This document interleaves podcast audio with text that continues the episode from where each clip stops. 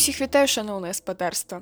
Гэта падкаст утульны горад, а мяне завуць Даша і сёння я вырашыла пагаварыць пра спалучэнне псіхічных разладаў і гарадскога асяроддзя. Таму што ну а пра што ж яшчэ казаць у самы цёмны час года, калі такое шэрае неба і калі ўсё так змрочна і пахмурна. Насамрэч мы разумеем, што псіхічныя захворванні гэта не пра тое, што нам сумна ад нястачы сонечнага святла. Гэта нашмат больш цяжкія станы, якія выкліканы фізічнымі парушэннямі ў нашым арганізме. І на тыя ці іншыя псіхічныя хваробы людзі ўласна хварэлі столькі колькі напэўна існуе чалавецтва то бок калі вам кажуць пра тое што ой павыдумлялі тут нейкіх дэпрэсій раней ніякіх дэпрэсій не было былі. Першы дакумент які зафіксаваў наяўнасць нейкіх псіхічных захворванняў на нашых землях з'явіўся ў 1529 годзе. Тады кароль сігізмут першы стары выдаў спецыяльны указ а гарадскія ўлады былі абавязаны збіраць звесткі пра мясцовых шалёных і людзей якія паводзяць сябе асабліва буйна і змяшчаць іх у турмы каб засцерагчы ад небяспекі насельніцтва.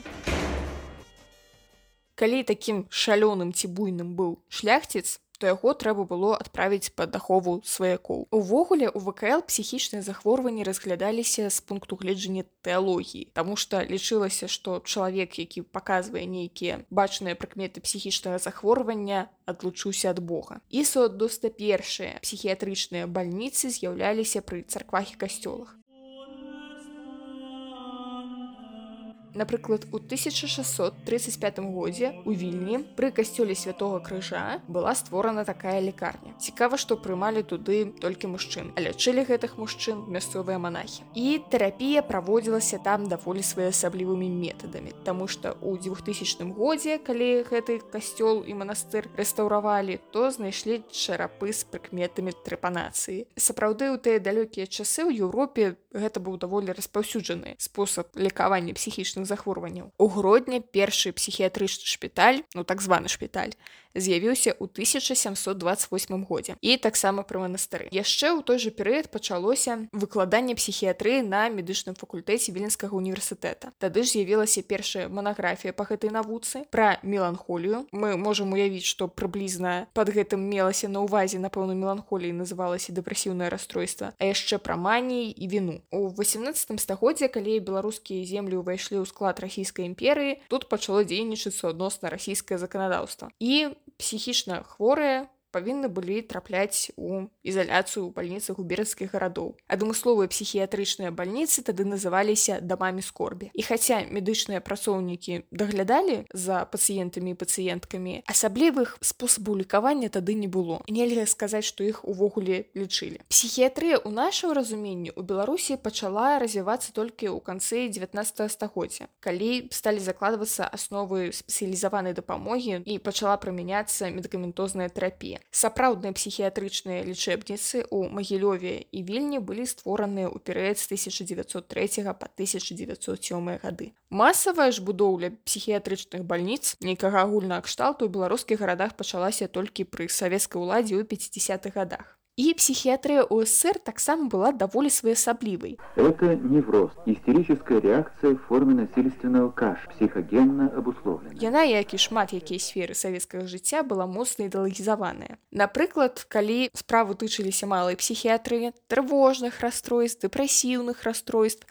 то пацыентам і пацыенткам часцей за ўсё ставілі дыягназ вегедасасудзістая дастанія і прызначалі прыблізна ніякае лячэнне ну, кшталту валер'янышкі на нач папейце і варта б вам было ў санаторый з'ездзіць па прафсаюзнай тапуцёўцы таксама не сакрэт што ў савецкія часы у гэтыя псіхіятрычныя шпіталі змяшчалі дысідэнтаў і яшчэ у савецкай улады было вельмі цікавае стаўленне да гомасексуальнасці. Гэта таксама лічылася псіхіятрычнай хваробай. То бок як мы назіраем 16 стагоддзя была такая агульная тэндэнцыя. Людзей з псіхічнымі разладамі трэба ізаляваць схаваць закрыць у кляштары у закрытым шпіталі абы яны не мазолілі нам вочы. І як жа цяпер абстаяць справы з гэтым у беларускіх гарадах ці спрыяе неяк гарадское асяроддзе стыгматызацыі людзей з псіхічнымі захворваннямі ці наадварот змагаецца з такой стыгматызацыяй? Куды лепей звяртацца калі вы падазраеце ў сябе дэпрэсію ці трывожнае расстройства? І хто такія насамрэч так званыя гарадскія вар'яты? Вы можете даведацца ў гэтым выпуску з маёй размовы з пані мыш. Пані мыш гэта псіхаактывістка. Як вы разумееце гэта не сапраўднае імя а псеўданім. Па пэўных прычынах шмат якія мае эксперты і эксперткі абіраюць не называць свае ўласныя імёны і прозвішчы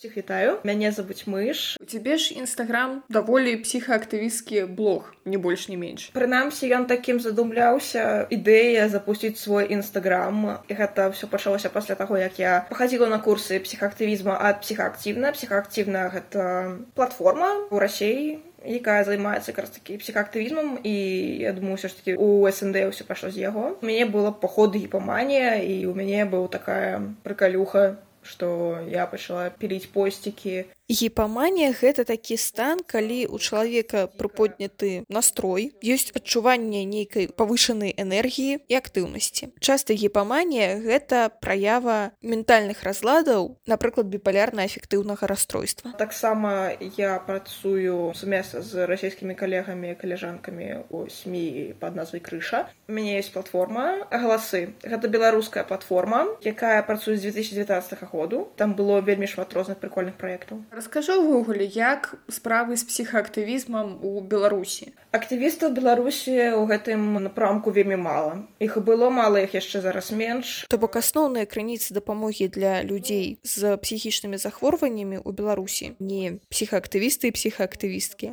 і не нейкія некамерцыйныя арганізацыі, а ўсё ж такі дзяржаўныя ці прыватныя клінікі, дзе працуюць псіхіятры, псіхіятрыкі, псіхатэрапеўты і псіхатэрапеўткі. Аднак акрамя дзяржаўных клінічных цэнтраў ёсць яшчэ так званыя клубныя дамы, якія дапамагаюць рэабілітацыі людзей, якія перахварэлі на нейкае цяжкае псіхічнае захворванне і цяпер патрабуюць дапамогі, каб вярнуцца да жыцця ў соцыуме. Напрыклад, ёсць такі клубны дом у Менску. Клубны дом адкрытая душа, які знаходзіцца ў Менску, гэта прыватны цэнтр рэабілітацыі беларускай асацыяцыі сацыяльных работнікаў.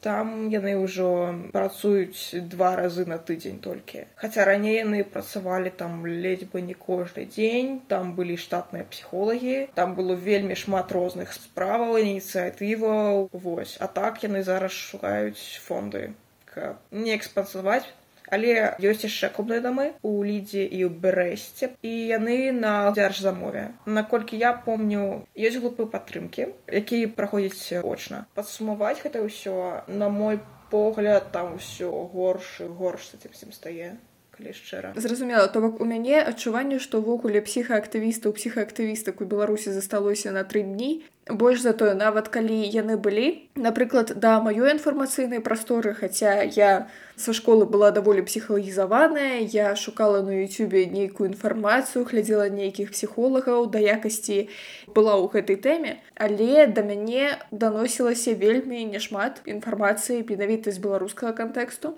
І мне падаецца што ёсць некаторыя тэмы не ведаю напрыклад у распаўсюд віч якім займаюцца і дзяржаўныя установы і некамерцыйныя ініцыятывы напрыклад.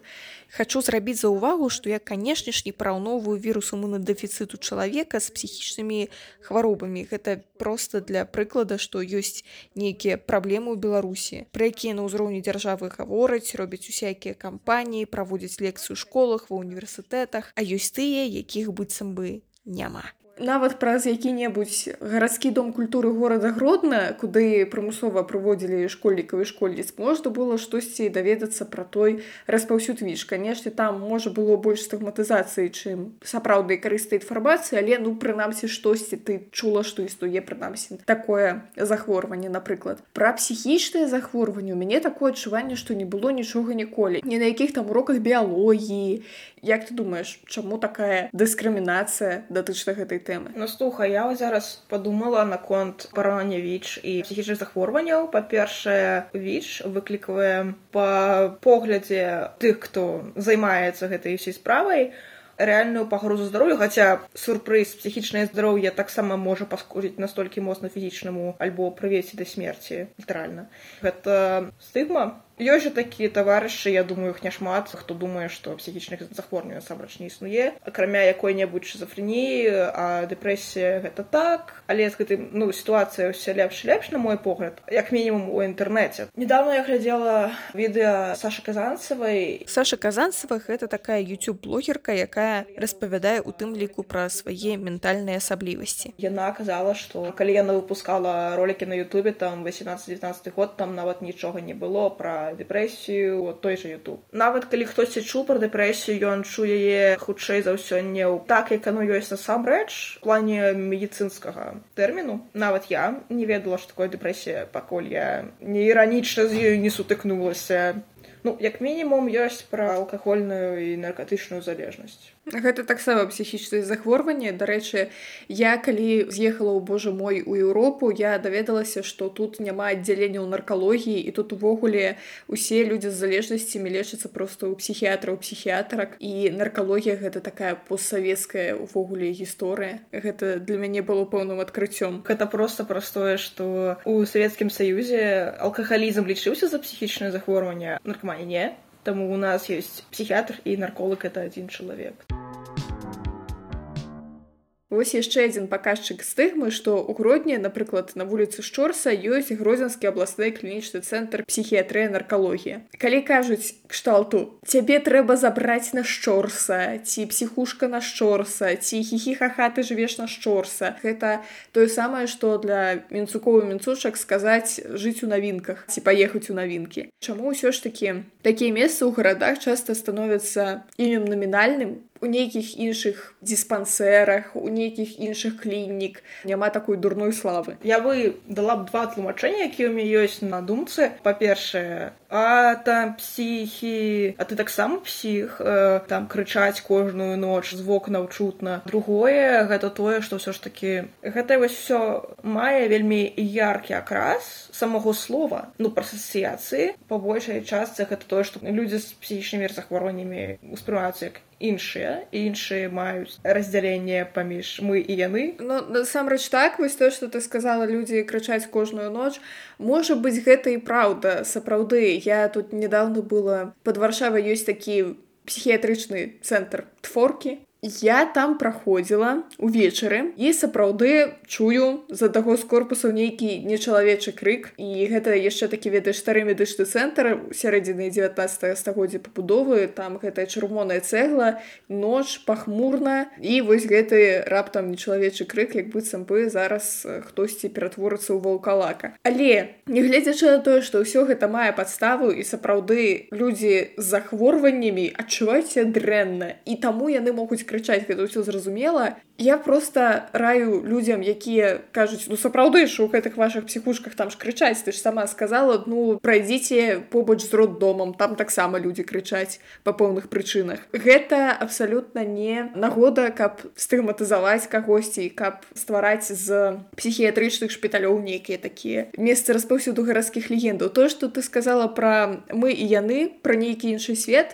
паколькі я яшчэ цікаўлюся ўсякай фальклорыстыкай то мне гэта сапраўды нагадала такое стаўленне як да могілак напрыклад. Бо гэта нейкае месца сутыкнення з іншым светам як быццам бы псіхіятрычныя шпіталі гэта таксама штосьці такога кшталту. Да штосьці невядомае загадкава ну наконт дарэчы ты сказала наконт радыйскі легендаў. Ёсць жа злачынства нацыскай нямецчыны калі на тых жа навінках людзей з дыягназамі просто расстрэльвалі але пра гэта не кажуць. Мне здаецца тое што людзей просто забівалі за тое што яны хварэюць на штосьці. Ну гэта наверне людзям менш грае ролю чым тое што яны могуць ад псіхозу крычаць яны гэта само сабой не кантралююць не сакрэт што ёсць страх наконт псіхічна нездаровых людзей наверное гэта было трошки сігматызаванае паняцце напрыклад я нават ад маціці ад кагосьці чула што вось медсёстры не паварочваюцца спіною да пацыента ў санітаркі бо яны думаюць што іх задушаць. Такое ёсць але яно гэта не такі высокі паказнік гэта ж не толькі адні людзі ж зафраніі ці чымсьці хаця хутчэй нават здаровыя людзі збіваюць больш чым людзі з захворваннямі абсалютна і мне падаецца што людзі з захворваннямі яны нашмат больш небяспечныя для саміх сябе чым для людзей якія вакол іх калі браць якую-небудзь сапраўды шизофрэнію нейкі псіхатычны стан штосьці такое сапраўды там чалавек можа забіць іншага чалавека таму што яму штосьці падалося галлюцынацыя штосьці прыбачылася. Але з большасці у псіхіятрычных клініках людзі з цяжкімі формамі дэпрэсіі людзі з цяжкімі формамі біпалярнага разладу. І такія людзі не думаюць пра тое каб зрабіць крыўду камусьці. Яны думаюць пра тое што ім дрэнда яны самі хочуць памерці таму. Гэта абсалютна гарадская легенда просто рэальна ад страху перад чымсьці інакшым. Я б нават яшчэ ў прыклад паставіла б людзей з разладамі харчавання. Яны часто бываюць у шпіталях на мой погляд. Глядзі ёсць яшчэ такая гісторыя як гарадскія вар'яты Вось я не люблю гэтае значэнне, але яно менавіта так гучыць. Мы нават гэта абмяркоўвалі ў адным з выпускаў. Напрыклад, мне часта расказвалі пра пажылую жанчыну, якая ездзіць у адным і тым жа аўтобусе і раптам пачынае спяваць мацерныя частушкі, пачынае штосьці выкрыкваць, пакуль яе не супакоіць, не выпхнуць з гэтага аўтобусу, але нікому, дарэчы, не прыходзіць у галаву такой сітуацыі патэлефанаваць вось у шпітальны шорса чамусьці.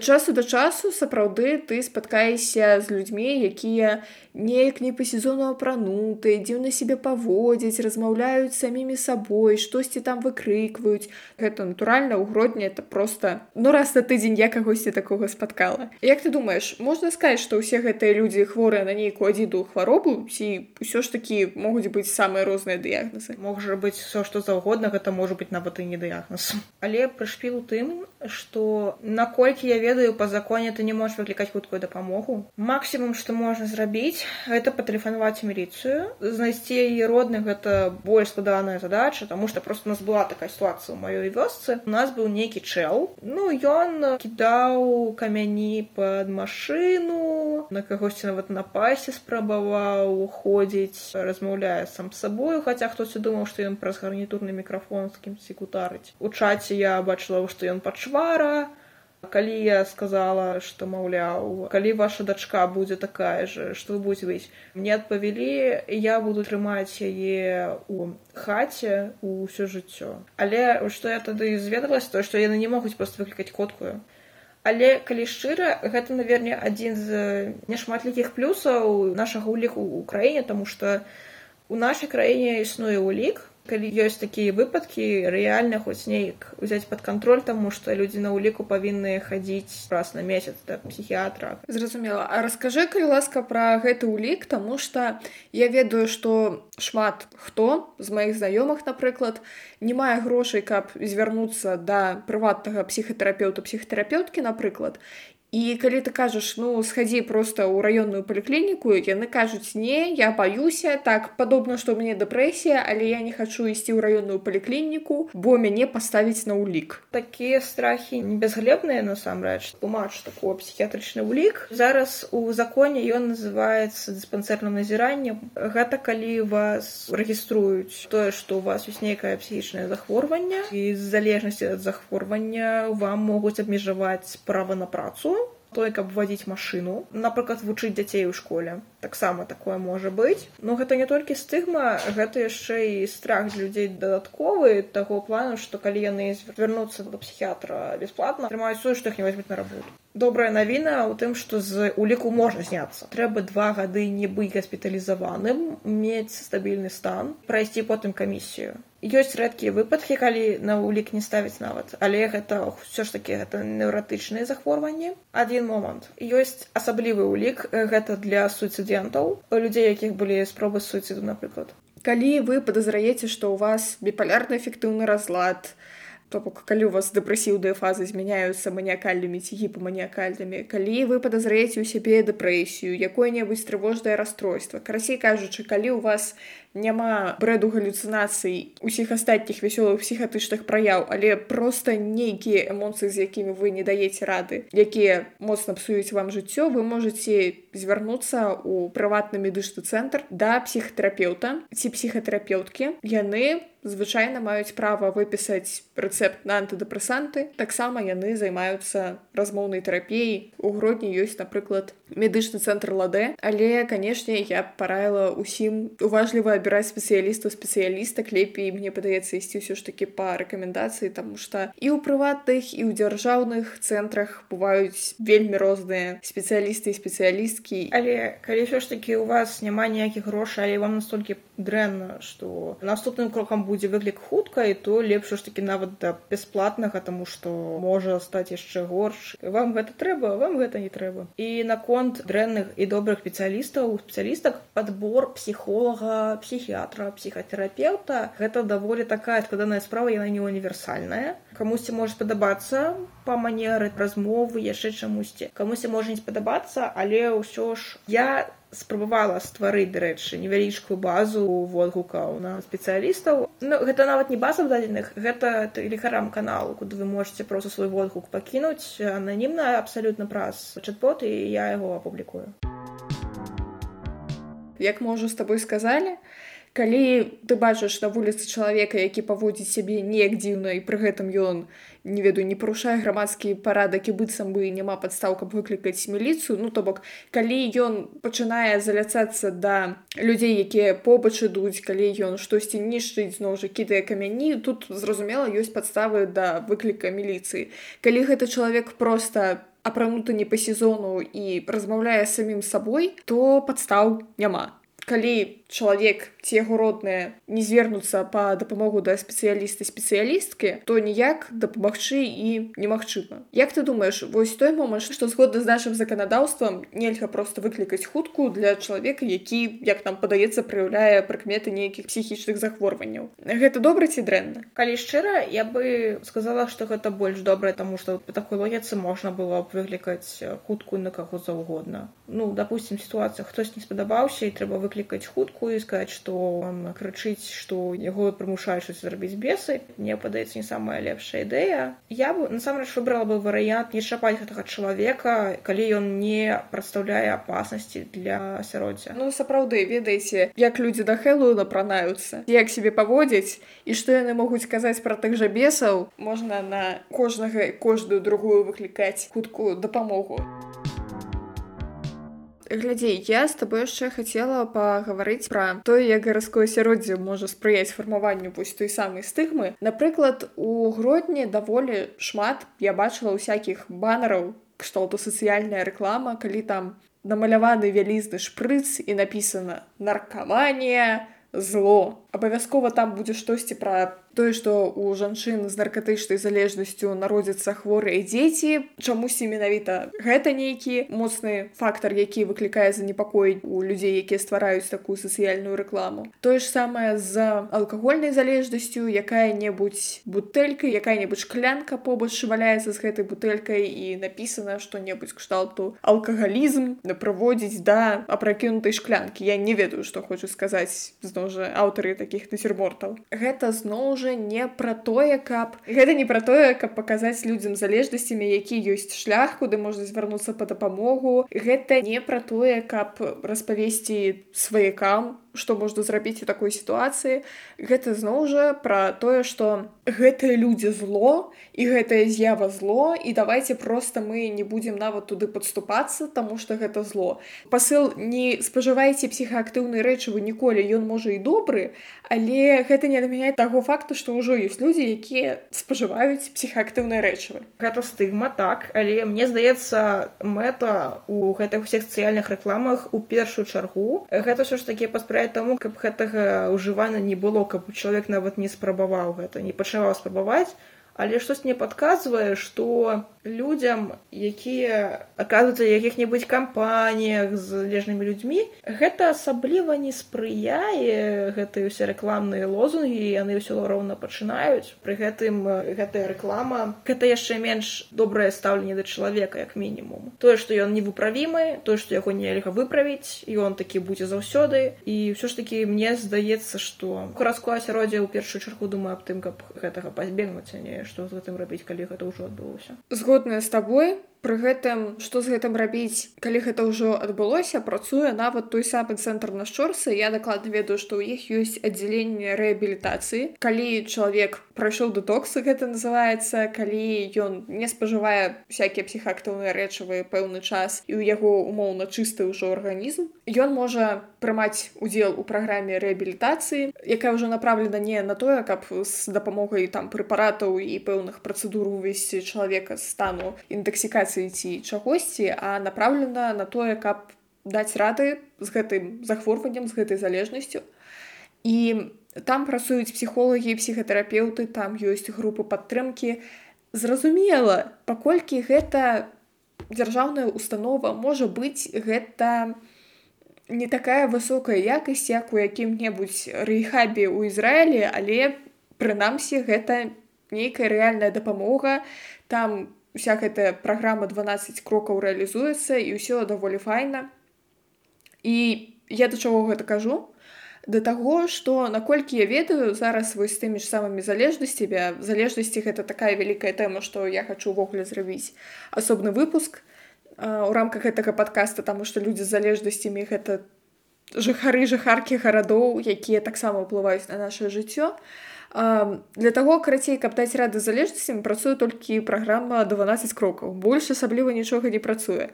А я ў грудні тым жа нават парадыю чула ўсякія рэкламы доктар Петроў, казіроўка ад наркаманіі.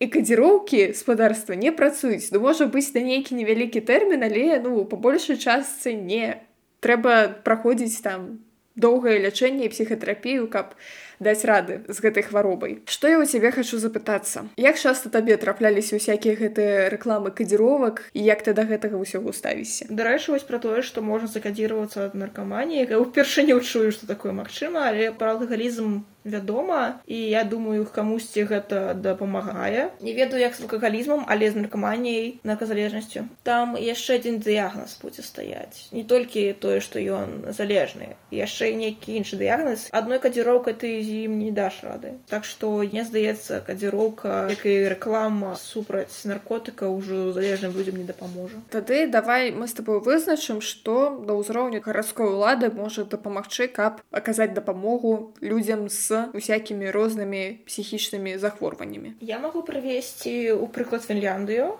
Там ёсць улік, але ён не для ўсіх, то бок ён для тых, у каго псіхатычныя якія-небудзь хваробы. Псіхатычныя станы гэта такія станы, пры якіх ёсць брэд або галюцынацыі, або і тое другое разам. Добрая рэч у тым, што дзяржава спрыяе таму, каб людзі працавалі. Можна атрымаць бальнічны, то бо ў нас ну бальнічнага не атрымаеш за тую ж дэпрэсію, там можна тых, хто на ўліку можа атрымаць лекі амаль бясплатна. У нас такая рэч працуе толькі з групамі інваліднасці. Спансаванне цэнтраў рэабілітацыі і такіх ініцыятываў, якія якраз такі дапамагаюць людзям рэсацыялізавацца пасля той жа гаспіталізацыі, як это робяць напрыклад купныя дамы ў нас.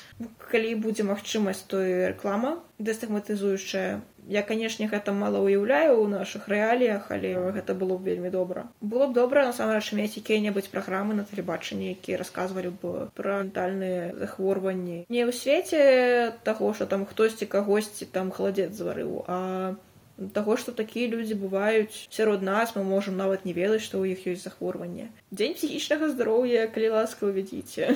Таму што ёсць сусветнае дзеянне гэта 10 кастрычніка і нават у нямметчыне я ведаю што ёсць нейкія нават маршы прысвечаныя такому дню. То бок мне падаецца калі падсумаваць што гарадскім уладам было б варта замест усёй гэтай прыкрасты сацыяльнай рэкламы пра тое што наркаманія зло інфармаваць людзей пра тое якая дапамога ўжо існуе. Напрыклад мне падаецца што пра тое аддзяленне рэабілітацыі на шчорса ведаюць вельмі вельмі няшмат людзей а пра тое што шмат людзей з залежнасцямі ў стане ап'янення. Можна іх сустрэць на вуліцы і ад часу да часу яны паводзяць сябе небяспечна для сябе і ўсіх хто навокал ведаюць усе. Я таксама думаю што трэба ўжо скасаваць усю гэтую гісторыю з кадзіроўкамі і рэкламы усякіх кадзіровак на дзяржаўным тэлебачанні на радыё. Няхай бы лепей на радыё гродна з'явілася б якая-небудзь перадача якая фінансуецца з гарадскога бюджэту пра псіхічныя разлады можна было б запрашаць якіх-небудзь псіхіятраў псіх псіхтэрапеўтаў псіхіатрак псіхтэрапеўтак з той жа клінікі на шчорса я яе так рэкламую хаця яна мне не заплаціла а дарма. Наколькі я ведаю там сапраўды даволі шмат добрых і файных спецыялістаў і спецыялістак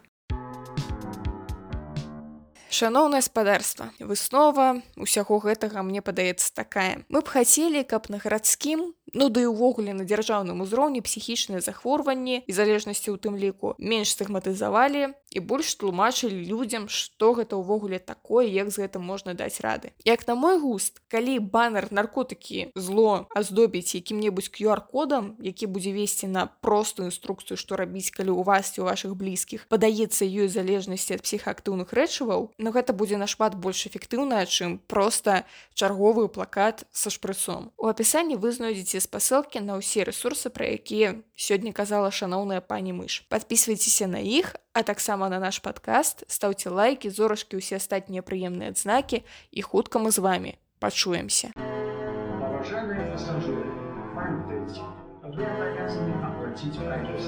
Набывайте пояснение, как чапу повестки.